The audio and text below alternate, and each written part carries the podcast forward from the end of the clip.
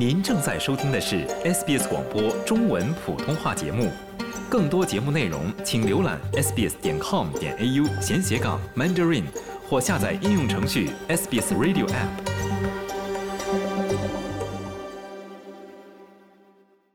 上周，储备银行行长米歇尔·布洛克指出，消费者使用现金支付的比例从2007年的百分之七十下降至去年的百分之十三。此前，该行的消费者支付调查显示，对比疫情前，疫情后澳大利亚人用现金支付的比例减半，从占总支付的百分之二十七以上降至百分之十三。那么，电子支付这一大势所趋的现象对经济发展有何积极意义呢？又对相关机构提出了怎样的诉求呢？同时，现金支付的衰败会让哪些人群和地区面临挑战呢？对此，我们邀请到了蒙纳士大学银行和金融学高级讲师安哲做客节目，解读当今时代中有关现金和电子支付的相关问题。秋实采访报道。那么，首先想请安教授来跟我们解读一下，现金支付减少会产生哪些影响？未来会有哪种变化呢？首先，呃，提及影响，我们应该先看一看这个原因是为什么。我觉得第一点，现金支付的减少，它应该是一个国际的一个大象所趋了，尤其是在新冠之后，从这个我我们讲客户的角度，或者是我们就就讲我们自己，第一，我们其实需要这个呃它的这个带来的便捷性，第二，它非常它的速度非常快。我们我们进行这个交易很快就达成了，然后尤其是在这个新冠之后，我们对于这个呃就是非接触式的付款方式的需求也变高了。然后最后其实还有一个很重要的，有的人会有这种呃记录的习惯。其实你有这个 digital payment，你可以把它都记录下来。呃，这是一个主要的一个一个原因吧。所以这这个原因其实也导致了，就是尤其是在这个新冠之后，现金的使用率下降的很高。未来的变化，第一点，你看我刚才提到的是从这个客户的角度，也就是我们 client，就是我们自己吧，这个需求会导致商家会做出一个相应的变化，因为比如说这里是一个我我们 client 有一个大势的所趋，那么商家他要做出相应的变化，他如果这个变化做得慢了，他就落后于这个怎么讲这个时代了，所以他首先会做出一个变化，提供更多的这种。digital payment 的这种呃这种方式，对吧？比如说我们现在去呃买东西，它一一般会有各种各样的方式来来供我们选择，这是商家的角度角度。再再一个就是，我觉得那么社会会对这个问题非常关注，包括看到的一些新闻也好，呃，大家也在关注这个信息或者是 digital payments 的 innovation 的研发的情况。那么这个这个其实我们。在这这方面的投入会让这个 digital payments 以后会变得更便宜。其实你看，现在我们去付付款或者什么，有的时候还会有一个有个手续费，这个手续费可能是阻止这个 client 最后去去参与这件事儿的一个一个原因。那么以后当这个系统完全搭搭建完毕之后呢，那么我们去做这件事儿会更便宜，所以大家可能更更不愿意会去用这个用这个现金了。包括比如说我们的这些交易的手续费可能会更低，或者甚至没有，这是第二点。我觉得第三点，呃，的影响应该是在应该在监管者那边了，因为呃，cash 用的用的少了，然后这种 digital payment 用的多了，那么伴随来了很多问题。那么监管者这块应该呃发挥很大的作用。第一个就是呃会这里有很多这种呃信息的风险，比如说。他们这些 payment system，它会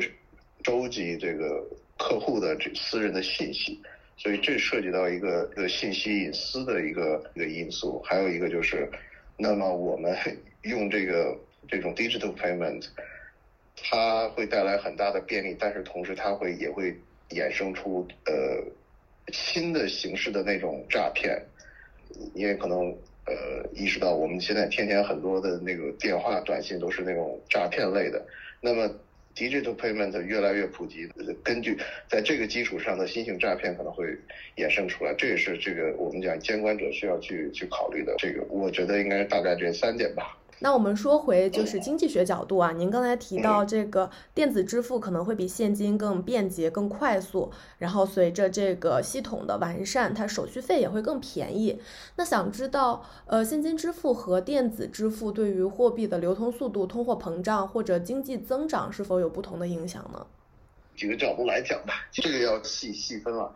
那么，其实我我们我们的这个整个的经济环境还是就像一个像一个河流一样，我们需要它去运转起来，对吧？这边我们在呃提供生产力，我们工作，对吧？提供社会价值，那边我们要把这个我们挣的这个价值花出去，然后让这个社会形成一个这个流动的流动的循环，这就是一个最好的这么这么一个。呃，一个一个社会的经济环境，那我们就就在想，OK，现在我们开始用的少了，那么我们用这种电子支付的方式，能不能让这个这个水流的流得更快呢？这个就是我们呃想的一个一个方式。首先，我觉得第一点，电子支付我刚才提到了，它会更高效，对吧？速度会速度会更快。如果我们的监管能够到到位的话，它也会更安全。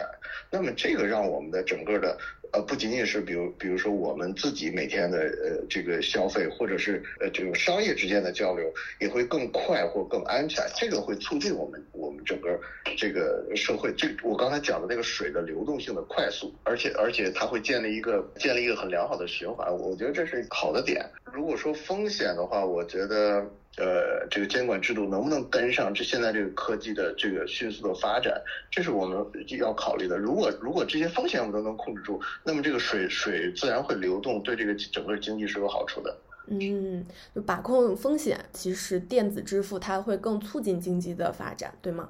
对。嗯，好的。那刚才您谈到了很多电子支付的优势，其实因为我们比较好理解、比较表面的，会觉得那年轻人用这个电子支付可能是比较无痛的适应，那老年人可能就会觉得啊，是不是比较困难这些新科技产品？那想从您的角度上来帮我们的听众朋友们分析一下，电子支付对于不同年龄段或者说文化背景的消费者或商家有哪些劣势呢？呃，谢谢你这个问题，我觉得这个问题问得非常好。我觉得这个问题我们是甚至可以把它扩展一下，不仅仅是老年人，甚至我们讲弱势群体。呃，甚至讲你讲的不同文化背景，甚至比如说呃身体呃有残疾的这些人群，对吧？我我们都这我们讲社会的弱势群体，他们怎么来适应这个问题？呃，包括那些比如说在呃偏远地区，他们的那个这个整个金融系统没有像这个比如说大城市的这么这么发达的地方，怎么来适应这个系统？首先，我觉得呃有一点特别好，就是科技其实改变了我们的生活。